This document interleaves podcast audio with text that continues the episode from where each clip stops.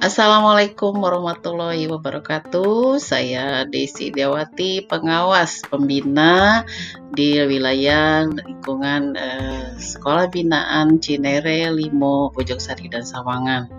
Bapak dan Ibu, saya ingatkan lagi terkait dengan pembelajaran tatap muka yang awalnya direncanakan di tahun pelajaran baru, maka saat ini sesuai dengan perwal, maka tatap muka terbatas ditiadakan diganti dengan dengan kembali PJJ dan akan terpantau selama tiga bulan.